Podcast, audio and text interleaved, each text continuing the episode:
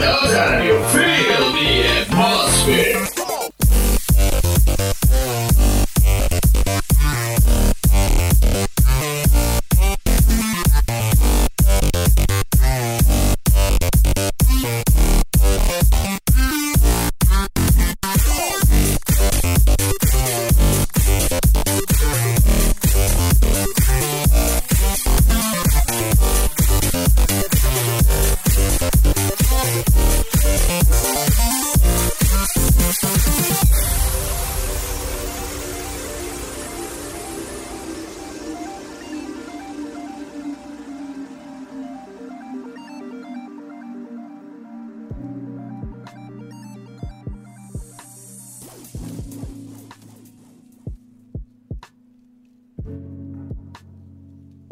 Disiarkan langsung dari Flavor Jombor ini dia podcast Elja Radio 76 Talks. Selamat sore Sleman fans di mana pun anda berada. Selamat sore listener, selamat bergabung, selamat mendengarkan kami kembali. Semoga kalian gak bosan-bosannya mendengarkan podcast kami. Dan di podcast kali ini kami akan membahas tentang persoalan hukum menghukum, hukum-hukuman yang nggak tahu kenapa kok ya gitu-gitu amat lah ya dan nanti kita juga akan berbincang sama salah satu Sleman fans juga, teman kita. Eh, dia perantauan, dia juga listener LJ Radio. Nanti kita akan ngobrol-ngobrol lebih lanjut lagi. Dan mari kita mulai podcast kita pada hari ini.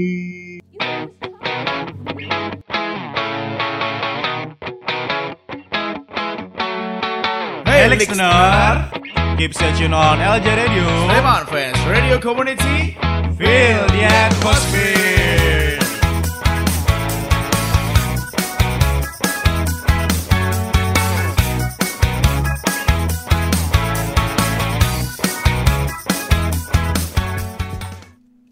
Eh, ya, halo, halo. Ya, cek, cek, cek.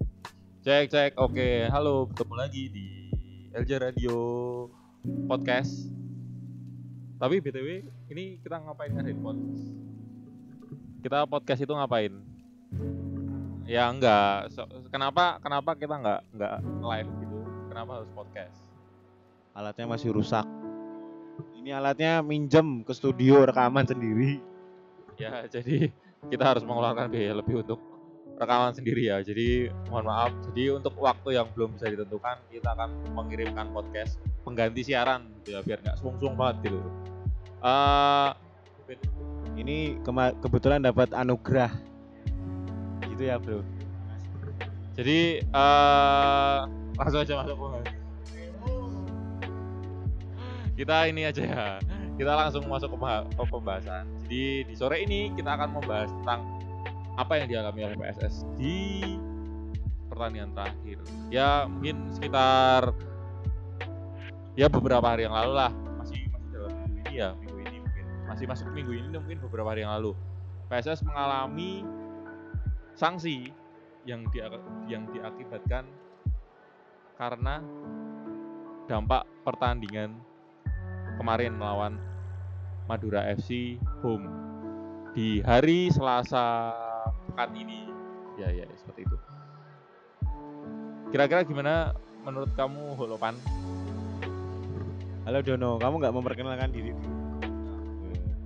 Baiklah, eh, sore ini kita tadi dibilang sama Dono kita akan ngobrol-ngobrol sok tahu, sok pinter, sok keminter apa kementur? Eh, keminter.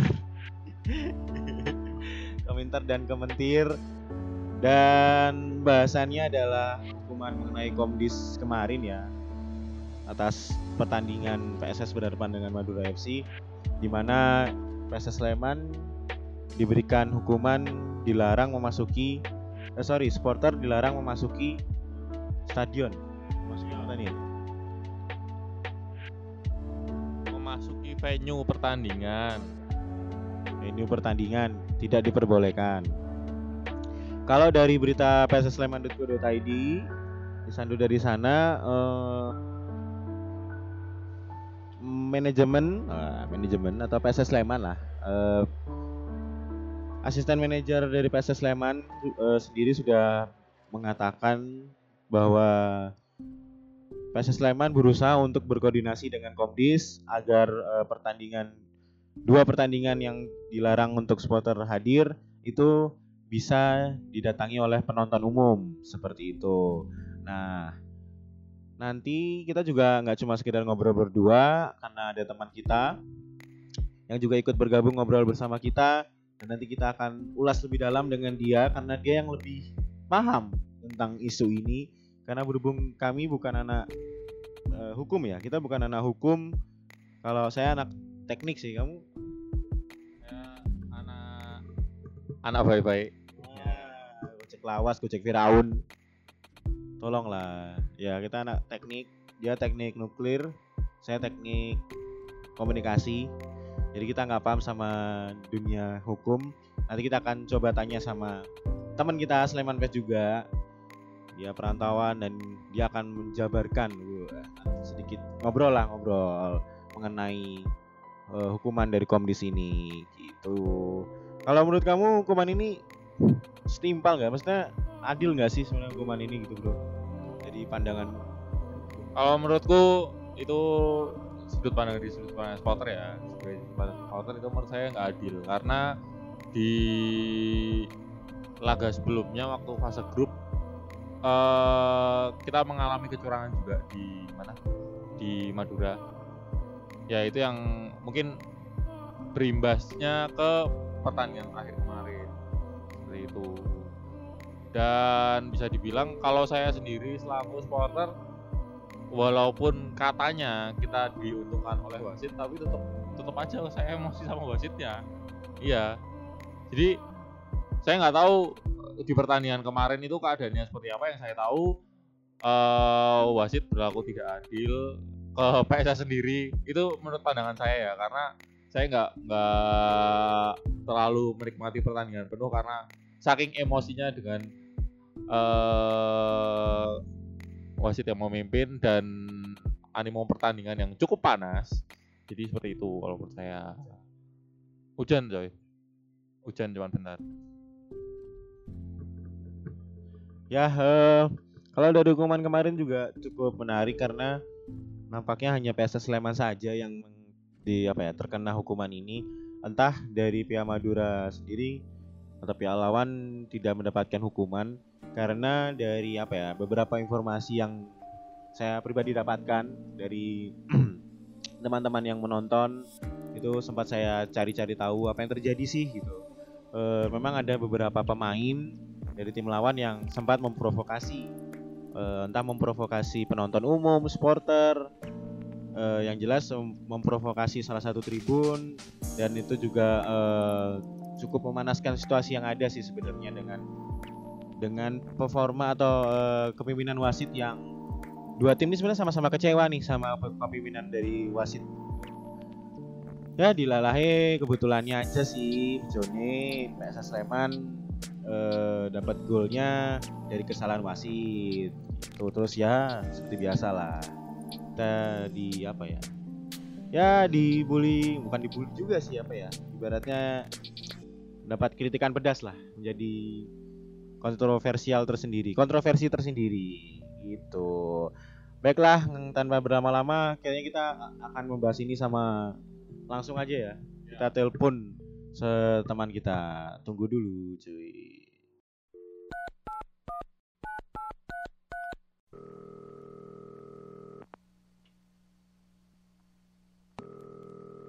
Siap, siap, siap. Mas, kan Mas Pandu nih soal apa eh, Mas Pandu kan ada pandangan tersendiri nih soal hukuman dari Komdis untuk PSS Sleman yang terakhir nih. Dua pertandingan kita nggak bisa datang. Iya. Nah, itu kalau apa ya? Dari pandangan Mas Pandu apa ya? Menurut Mas Pandu kayak gimana sih hukuman ini? Oh, aku sih bukan lebih ngerti ya, tapi ya sama-sama belajar lah. Soalnya pertama kan ngeliat rencana kan pada mau away ke Madura ya awalnya.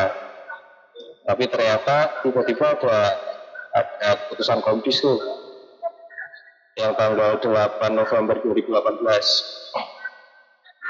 Nah, dari judulnya aja terkait tingkah laku buruk supporter. Yo, terus tak baca kan. Terus tak baca di dalamnya tuh ada eh, fakta sama pertimbangan hukum terkait sama eh, supporter PSS Sleman terbukti melakukan invasi ke lapangan dan oknum panitia pelaksana pertandingan berada di area yang tidak semestinya dan diperkuat dengan bukti-bukti yang cukup untuk menegaskan terjadinya pelanggaran disiplin. Terus disebutin juga tuh di situ keputusannya merujuk pada pasal 68 junto pasal 69 ayat 2 kode disiplin PSSI. Buat tak buka tuh. Aku nyari-nyari kode disiplin PSSI itu apa sih isinya. Di situ aku baca pasal 68 sama 69 pertamanya. Pasal 68 sama 69 itu kan isinya pasal 68-nya itu terkait tanggung jawab pelaksana pertandingan. Sedangkan 69 ayat 2 itu isinya eh, sanksinya apabila terjadi kegagalan terhadap pelaksanaan tanggung jawab pada pasal 68. Nah, di situ eh, aku baca lagi, balik lagi ke keputusan keputusannya. Eh, menurut keputusan kan eh, supporter PSS Sleman dihukum larangan memasuki stadion sebanyak dua kali. Ada pertandingan Madura FC versus SS di Madura tanggal 12 sama uh, home PSS Sleman versus Persita tanggal 16 karena telah terjadi pelanggaran terhadap pasal 68 junto pasal 69 ayat 2 yang tadi. Di pasal 69 ayat 2 itu menyebutkan kayak gini Mas. Bagi pelanggaran yang serius terhadap pasal 68 atau pengulangan pelanggaran, Komite Disiplin PSSI atau Komite Banding PSSI dapat memberikan sanksi tambahan. Sanksi tambahan loh mas, berupa sanksi penutupan seluruh stadion atau sebagian sekurang-kurangnya dua kali pertandingan. Kemudian berdasarkan pertimbangan yang sama, Komite Disiplin PSSI atau Komite Banding PSSI dapat memberikan larangan memasuki stadion bagi supporter dan atau pendukung klub atau badan terkait sekurang-kurangnya satu pertandingan. Nah, 69 ayat 2 itu kan isinya sebenarnya sanksi tambahan, Mas. Ya kan? Oh. Sanksi utamanya itu sebenarnya di ayat 1, Mas. 69 ayat 1. Setiap badan yang menyelenggarakan pertandingan gagal memenuhi tanggung jawab kewajibannya sesuai dengan ketentuan pasal 68 disiplin PSSI diberi sanksi denda sekurang-kurangnya 20 juta rupiah Nah, aku makin bingung tuh mas, lihat keputusannya lah kok yang yang yang dikasih, yang diputus sama komdis itu malah cuma sanksi tambahan. Dilihat lagi ke bawah kan, pengulangan nah, di keputusan angka dua itu dia nyebutin pengulangan terhadap pelanggaran terkait di atas akan berakibat terhadap hukuman yang lebih berat. Berarti kan cara nggak langsung nih, si komdis itu bilang uh, kejadian itu bukan pengulangan, Padahal tadi jelas-jelas di pasal 69 itu dia nyebutin bagi pelanggaran yang serius terhadap pasal 68 atau pengulangan pelanggaran. Berarti bukan itu ya, bukan bukan pengulangan pelanggaran ya, karena dia nyebutin keputusannya itu itu. Terus nah, di situ kan aku masih agak-agak bingung tuh. Iki maksudnya apa? Kan istilahnya kok tiba-tiba dikasih dikasih dikasih hukuman seperti itu aku nggak ngelihat aku nggak ngelihat nggak ngelihat faktanya ya aku cuma ngelihat dari dari keputusannya. Karena aku sendiri nggak ada di stadion waktu itu kan. Terus uh, di pasal bandingnya keputusannya nyebut terhadap keputusan ini tidak dapat diajukan banding sesuai dengan pasal 119 Kode Disiplin PSSI aku kan uh, istilahnya dari basicnya kan dulu sekolahnya sarjana hukum mas. Hmm. terhadap suatu keputusan apa pun apa pun itu ya itu itu harus ada uh, proses check and balances. Contohnya misalkan putusan putusan tingkat pertama itu ada bandingnya. Terus nanti banding ada kasasi.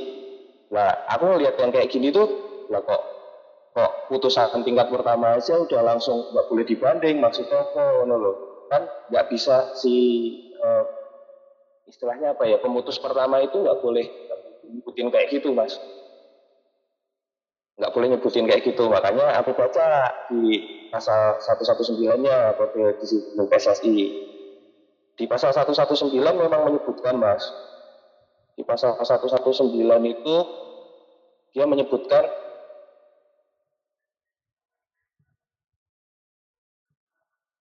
eh, nah, pasal 119 adalah putusan komite disiplin PSSI yang boleh dibanding Suatu permohonan banding dapat diajukan kepada Komite Banding PSSI terhadap keputusan yang telah ditetapkan oleh Komite Disiplin PSSI, kecuali apabila sanksi yang dijatuhkan berupa bla bla bla bla bla. Nah, aku sih pandanganku kayak gini mas. Pasal 119 itu adalah batasan untuk si Komite Banding PSSI untuk memutuskan sesuatu mas. Jadi gini, uh, alurnya itu pertama putusan komdis. Putusan komdis itu terserah, terserah si yang terhukumnya apakah mau dibanding atau tidak karena itu hak, hak berhukum. Kemudian apabila dibanding nanti uh, komite bandingnya itu akan melihat sanksinya apa sih? Nah itu maksudnya. Nah, kalau aku aku nangkutnya gitu ya.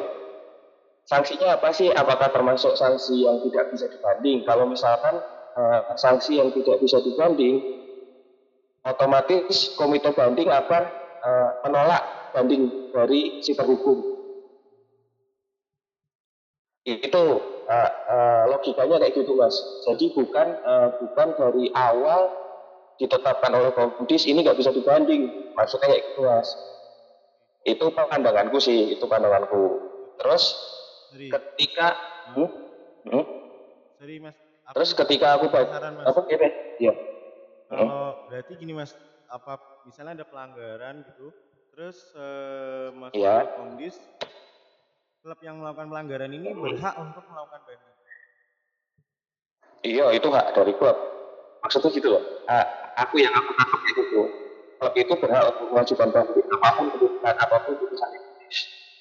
Tapi nanti ketika banding, komisi banding itu yang menentukan apakah sanksi komdis itu bisa di, bisa bisa diajukan banding atau tidak. Kalau misalkan tidak bisa diajukan banding, kita langsung otomatis menolak, mas. Menolak permohonan banding klub. Nah, itu loh. Karena merupakan sanksi peringatan, contohnya seperti itu. Itu jadi dasar dari uh, si komite bandingnya. Batasan si komite banding untuk menentukan, kayak gitu.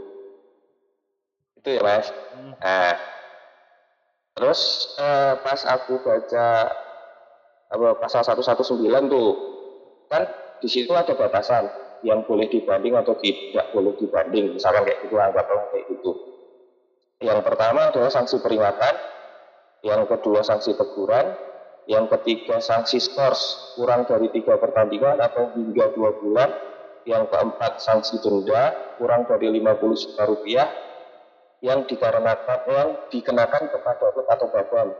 Kemudian sanksi denda kurang dari 30 juta rupiah yang dikenakan kepada orang atau uh, keputusan yang dibuat sesuai dengan ketentuan pasal 67 Kode Disiplin PSSI. Nah itu batasannya mas, batasan yang bisa dibanding atau tidak. Nah pas aku baca batasan ini kan dibalikin lagi sama uh, keputusan awalnya komdis tuh keputusan awal komdis tuh PSS Sleman uh, supporter PSS Sleman dihukum larangan memasuki stadion mas. Larangan memasuki stadion ya. Itu tuh nggak masuk dari uh, dari di pasal 119 karena uh, sanksinya itu larangan memasuki stadion bukan sanksi peringatan bukan sanksi teguran bukan sanksi skors bukan sanksi denda atau sanksi yang dibuat dengan ketentuan pasal 67 tuh dia nyebutin 68 sama 69 kan tadi di awal. Itu jadi eh, pendapat saya adalah ini keputusan ini yang pertama salah si eh, komite disiplin salah dalam menerapkan aturan. Yang pertama karena dia menyebutkan terhadap keputusan ini tidak dapat diajukan banding. Tuh. Yang kedua, PSS Sleman berhak mengajukan banding, Mas. Apabila dirasa perlu. Menurut eh, menurut PSS Sleman apabila dirasa perlu, PSS Sleman berhak mengajukan banding. terkait keputusan uh, Komdis gitu kemarin itu seperti itu mas Oke. tweetnya intinya Juga ini juga ya. Mumet juga. Lalu bukan anak hukum. Oh, pasti mas aku ya lagi gitu Oke, begitu sih. T- eh, tapi udah kita udah dapat gambaran jelasnya sih, Mas. Ternyata eh, t- tadi ada dua poin dari Mas Mandu yang kita dapetin juga. eh, kita juga baru, akhirnya dapat sesuatu yang baru. Ternyata eh, apa ya? Klub yang dihukum berhak untuk mengajukan banding. Dan kalau misalnya iya mengajukan banding itu eh PSS Sleman ada kemungkinan terkena hukuman yang lebih berat atau enggak mas? Harusnya, maksudnya sesuai. Nah, kita lihat ya Mas ya, kalau kalau eh, di komite banding itu dia berhak bentar ya. Komite banding itu bisa memutuskan yang pertama eh, menghapus putusan Komdis. Terus bisa juga eh, memutus sendiri sama satu lagi bisa menambah Mas sebenarnya ya bisa menambah. Jadi kenapa kenapa aku tadi bilang Sleman punya punya hak untuk banding. Cuma itu kalau dianggap perlu untuk PSS karena ada kemungkinan bisa diperberat oleh komite banding apabila bukti-bukti yang diajukan oleh eh, PSS dirasa malah memberatkan gitu. Itu yang pertama. Cuman kan aku nggak tahu ya prosedur prosedur karena itu sidangnya sidangnya tertutup mas. Sidang komite itu tertutup. Nggak bisa dilihat sama orang nggak bisa. Kan kalau sidang pengadilan kan ada yang ter- terbuka ada yang tertutup tuh. Nah kalau ini tertutup mas. Jadi nggak bisa nggak bisa kita nggak bisa tahu sebenarnya di dalamnya kayak apa sih tuh aku cuman baca-baca ininya aja aturan-aturannya aja. Cuman bisa diperberat mas. Kalau dirasa menurut komite banding itu itu bukti-buktinya memperberat PSS kayak gitu. Oke. Hmm, menarik ya. Dan kalau dari aku sih mas, eh, aku sih cu- cukup sih untuk eh, mengetahui apa namanya lebih dalamnya tentang hukuman komdis ini. Kalau dari Mas Mandi sendiri, apa nih eh, kritik dan saran buat PSSI? wah nek Ada nggak? Maksudnya, sorry sorry, bukan buat bukan buat PSSI-nya, maksudnya eh buat komdisnya gitu kan tadi. Maksudnya ini kan anggaplah salah satu contoh hukuman eh, yang kurang tepat lah, ya kan kurang tepat nih. Nah, kalau dari Mas Wandi ada nggak nih untuk komdisnya sendiri biar lebih baik lagi lah maksudnya? Terkait sama itu sih sebenarnya bukan terkait sama kondisi mas. Aku sih masih, aku masih bilang bapak wajar kalau kondisi itu seperti itu karena aturan juga nggak nggak jelas mas. Contoh nggak jelas tuh kayak gini nih. Apa sih bedanya? Kemarin kan ada ada ada sedikit isu apa sih bedanya supporter sama penonton umum misalnya kayak gitu. Supporter nggak boleh masuk, penonton umum masih diperbolehkan. Contohnya kayak gitulah. Itu kan terjadi di beberapa beberapa kali beberapa kali di putusan kan contohnya di tim lain ya. Kayak eh, mungkin persib waktu itu.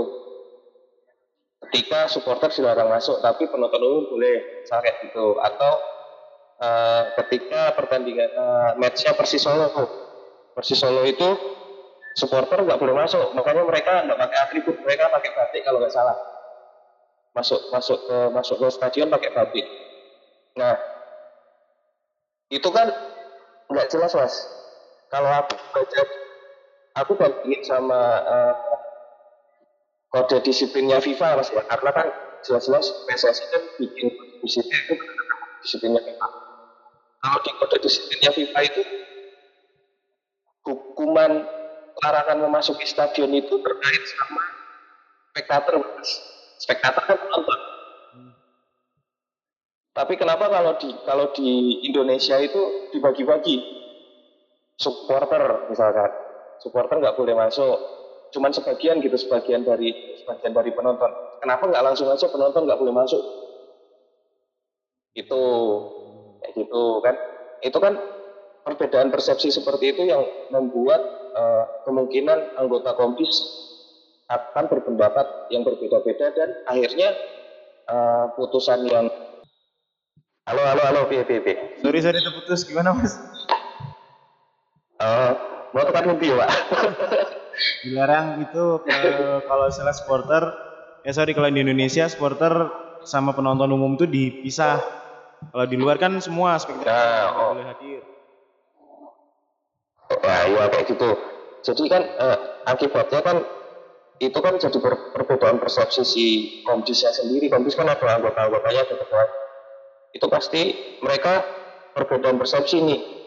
Yang mana sih kita mau pakai yang mana nih? Apakah apakah penonton nggak boleh datang atau cuma supporternya aja nggak boleh datang terus penonton umum boleh?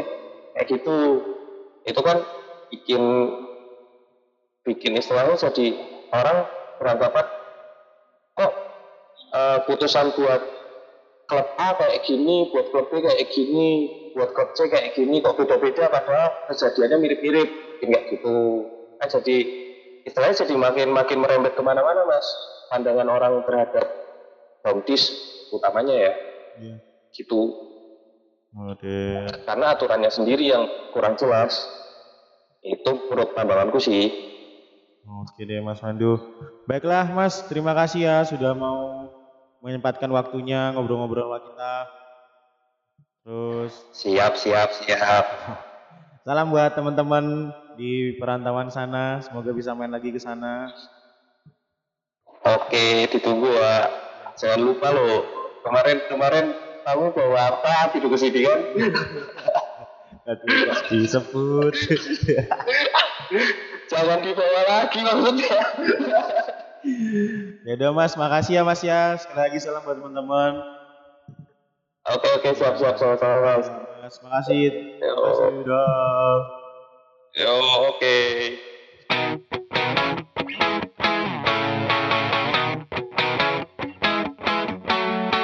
Hey listener, keep searching on LJ Radio. Sleman Fans Radio Community Feel the atmosphere.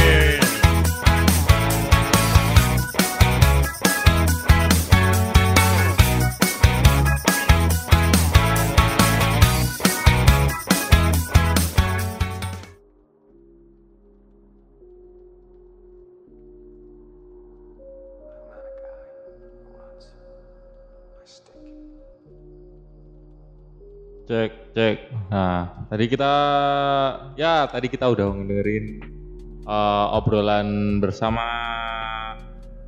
Mas Pandu, yaitu temen teman dari Kapitale yang sudah bersedia meluangkan waktunya untuk ngobrol bareng kita tentang apa yang dialami PSS Sleman tentang apa namanya hukuman dari Komdis. Kalau tak tangkap-tangkap ternyata rancu juga ya ininya. Jadi eh hukumannya tuh masih bisa dibilang masih, masih dibilang abu-abu. Nah, pasal pasal 69 sama 68 tapi yang dipakai ininya untuk pasal 67 ya nggak sih?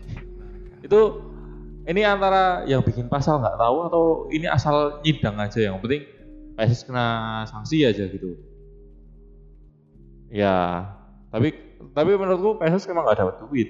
Maksudnya bukan PSSI nggak dapat duit komdisnya soalnya kan di apa di mananya di hasil sidangnya kan eh, PSS nggak didenda hanya larangan supporter untuk memasuki venue Maguwarjo dan venue besok venue di Ma- di Madura. Ya. Eh, tapi gimana pun hasilnya untuk para Sleman fans ini sudah terjadi jangan saling salah-salahan dan intinya saling menjaga lah saling menjaga saling mengingatkan.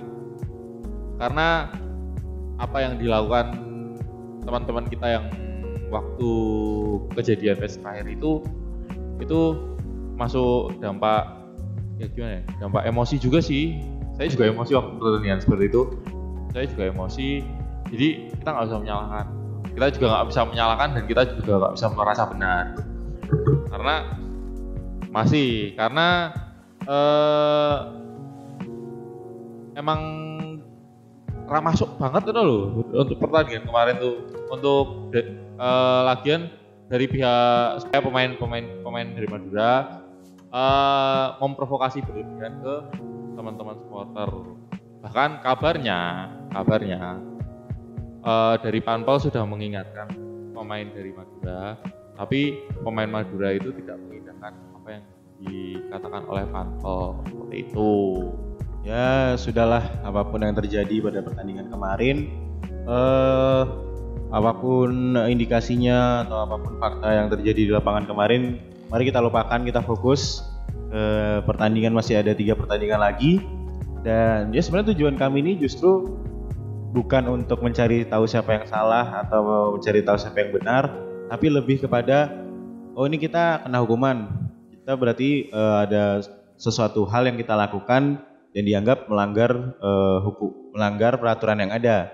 Nah kita cari tahu kesalahan kita tuh sebenarnya apa gitu dan hukuman yang diberikan itu seperti apa? Mari kita dalami bersama. Nah maksudnya tuh seperti itu sih sebenarnya. Aduh sok bijak banget. Ya maksudnya tuh biar lebih paham aja. Jadi oh ternyata kayak gini tuh. Ternyata bener kan? Kalau kita nggak saya kalau kita nggak nanya-nanya kalau kita nggak mikirin ini kurang kerjaan gitu kan sore-sore kita nggak akan tahu ternyata komdis pasal yang dikasih tidak cocok aduh ya kan jadi eh kita nggak tahu ternyata ada hal-hal lain yang terjadi gitu kan. Makanya ya udahlah eh, kita coba cari tahu oh ternyata kayak gini gini nih dan ternyata asik juga nih untuk mencari tahu eh, apa ya hal-hal di balik sana lah dari hukuman komdis ini gitu. Eh, sekali lagi nggak usah langsung mungkin nggak setelah dengerin langsung wah wah, yang salah yang ini ini ini. Nggak usah. Kita udah nggak usah eh, nyalain komdis atau kita nggak usah nyalahin eh, teman-teman sendiri atau siapa pun itu. Nggak usah nyalain wasit nyalain PSS atau Madura FC udah eh, lupain aja. Itu apa yang terjadi di lapangan biarkanlah tetap terjadi di lapangan. Jangan dibawa-bawa keluar. Dan selain itu apalagi ya tadi saya baru oh kita baru tahu kalau eh, klub itu boleh banding Soalnya aku, soalnya bacanya tuh banyak yang nggak boleh banding gitu loh. Kalau misalnya Komdis ngeluarin peraturan itu. Dan ternyata banding itu juga merupakan hak seluruh umat. hak ya hak perorangan lah. Tapi kalau menurutku kalau banding pun kayaknya nggak bakal diindahkan oleh PSSI kayaknya. Malah semakin dipersulit. Tapi eh, yang penting untuk pertandingan ke depan walaupun tanpa supporter tapi kita harus tetap mendukung PSS Sleman apa pun yang terjadi. Yang jelas yang dilarangkan supporternya untuk dua pertandingan.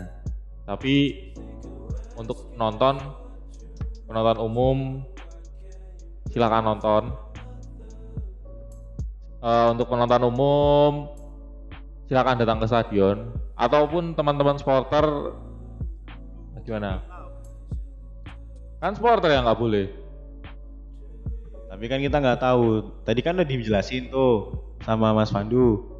Kalau di Indonesia hukuman tanpa pen- tanpa supporter itu apakah supporter yang dimaksud itu semua penonton juga termasuk penonton umum, spectators atau hanya supporternya saja. Nah, ini kan menjadi kemelut juga menurutku juga jadi bom waktu juga untuk ke apa ya? Untuk mm, beberapa kelompok-kelompok supporter jadi kayak wah aku bener juga sih. Maksudnya kayak aku kemarin pelanggarannya sama tapi kok hukumannya beda. Ya, kayak gitu tuh jadi apa ya jadi kasarannya kayak rasa-rasan juga kan. Artinya eh, ini juga bisa jadi bom waktu juga nih buat komdis. Makanya harus diperjelas jangan rancu lagi lah jangan abu-abu kayak gini. Harus benar-benar jelas harus benar-benar detail apa saja yang boleh apa saja yang tidak boleh Eh, hukumannya juga harus detail. Dan kalau bisa tidak terlalu berat ke soal materi. Eh bener kan duit itu materi ya? Ya nggak nggak terlalu berat ke materi tapi lebih kepada eh, hukuman yang pas yang cocok agar tidak terjadi pelanggaran-pelanggaran sebela- selanjutnya. Seperti itu cuy. Kan tadi kalau di webnya pssleman.co.id kan diusa, dius, diusahakan. Diusahakan dulu eh, oleh pihak PSS Sleman untuk berkomunikasi lebih lanjut agar penonton umum itu bisa me- bisa menyaksikan pertandingan dua pertandingan yang akan datang. Itu cuy. Kalau nggak salah gitu. Bisa baca. di dalamnya tertulis hanya supporter PSS yang dilarang berarti penonton umum masih diperbolehkan atau tidak masih akan kami pelajari lagi dan kami komunikasikan dengan pihak Komdis. Itu statement terakhir dari PSS Sleman dari manajemen PSS Sleman. Yang jelas eh, apa pun yang terjadi kita tetap mendukung PSS Sleman. Dan kita harap juga para pemain tahu ya seharusnya tahu lah ya. Dibela-belain sama seluruh Sleman fans di mana pun mereka berada kayak gitu bro. Ternyata cukup membuat lelah juga kalau serius gini. Saya lapar saya haus. Saya lapar ya haus. Dan sudah mendung. Apa kita sudah saja bro? Kok jadi melankolis gini? Ya Allah. Ya namanya juga ujian lah ya. Apakah ini ujian bung? Ya bisa dibilang ini ujian, cuman eh, semoga ya semoga saja ini ujian menuju Liga 1 dan semoga tidak seperti musim-musim dua musim yang lalu yang kita anggap itu sebuah ujian tapi ternyata PSS emang dijegal untuk tidak naik ke Liga 1 gitu loh. Eh, jadi apa pun yang terjadi eh tetap, eh, tetap dukung WSS. Eh untuk pertandingan di Madura ya, di Madura kemungkinan eh, nggak ada WD saya. Kayaknya kan saya nggak tahu. Ya sesuai peraturan aja kita kita mematuhi peraturan yang ada Ya, hukuman maksud saya. Eh, mohon maaf. Eh, kalaupun kalaupun misalnya ada yang mau datang, ya jangan berat ribut. Jangan mengatasnamakan ya supporter PS Sleman seperti itu dan ya pokoknya pokoknya eh, ditinggalkan dulu selama kita menjalani sanksi yang ada dulu. Tapi untuk home kalaupun eh bakal pada ngecen di luar ya. Itu kayaknya seru coy. Iya apalagi terus eh ngeflare lu kan kan nggak yang nggak boleh ngeflare kan di dalam. Yang nggak boleh ngeflare kan di dalam stadion. Kalau di luar di stadion? Boleh. Nggak tahu ding. Nggak itu saya cuma bercanda.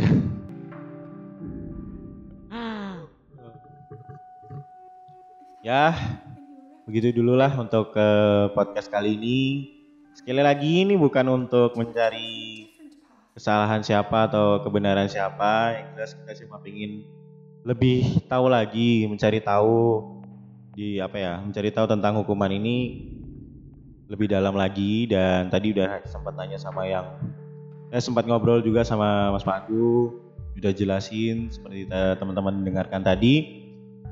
Dan apa pun eh, yang terjadi, kita mendukung PSS Sleman. Oh beda ini udah mau closing. Kan jadi ngulang kan? Apa pun yang terjadi, tetap dukung PSS Sleman, tetap kawal PSS Sleman.